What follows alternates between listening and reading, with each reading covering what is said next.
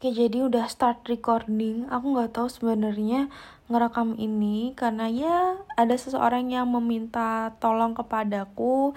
Ya aku dengan senantiasa membantunya. Ya, no nggak ada masalah sih. Karena juga gabut kan 100 rekaman, it's okay tidak apa-apa pelan-pelan pasti tapi tetap pasti ya kan?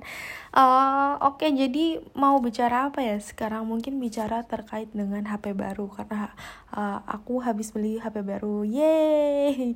Jadi emang HP aku sebelumnya itu dia mungkin secara fisik ya jika dilihat secara fisik masih sangat bagus tapi ketika sudah dikrokoti istilahnya di dalamnya itu sudah sangatlah busuk istilahnya udah kayak basi gitu ya kayak rumah tangga yang di covernya itu bagus tapi di dalamnya kita siapa yang tahu ya kan? Jadi aku memutuskan untuk beli HP baru. Alhamdulillah hari ini HP-nya sudah dapat dipakai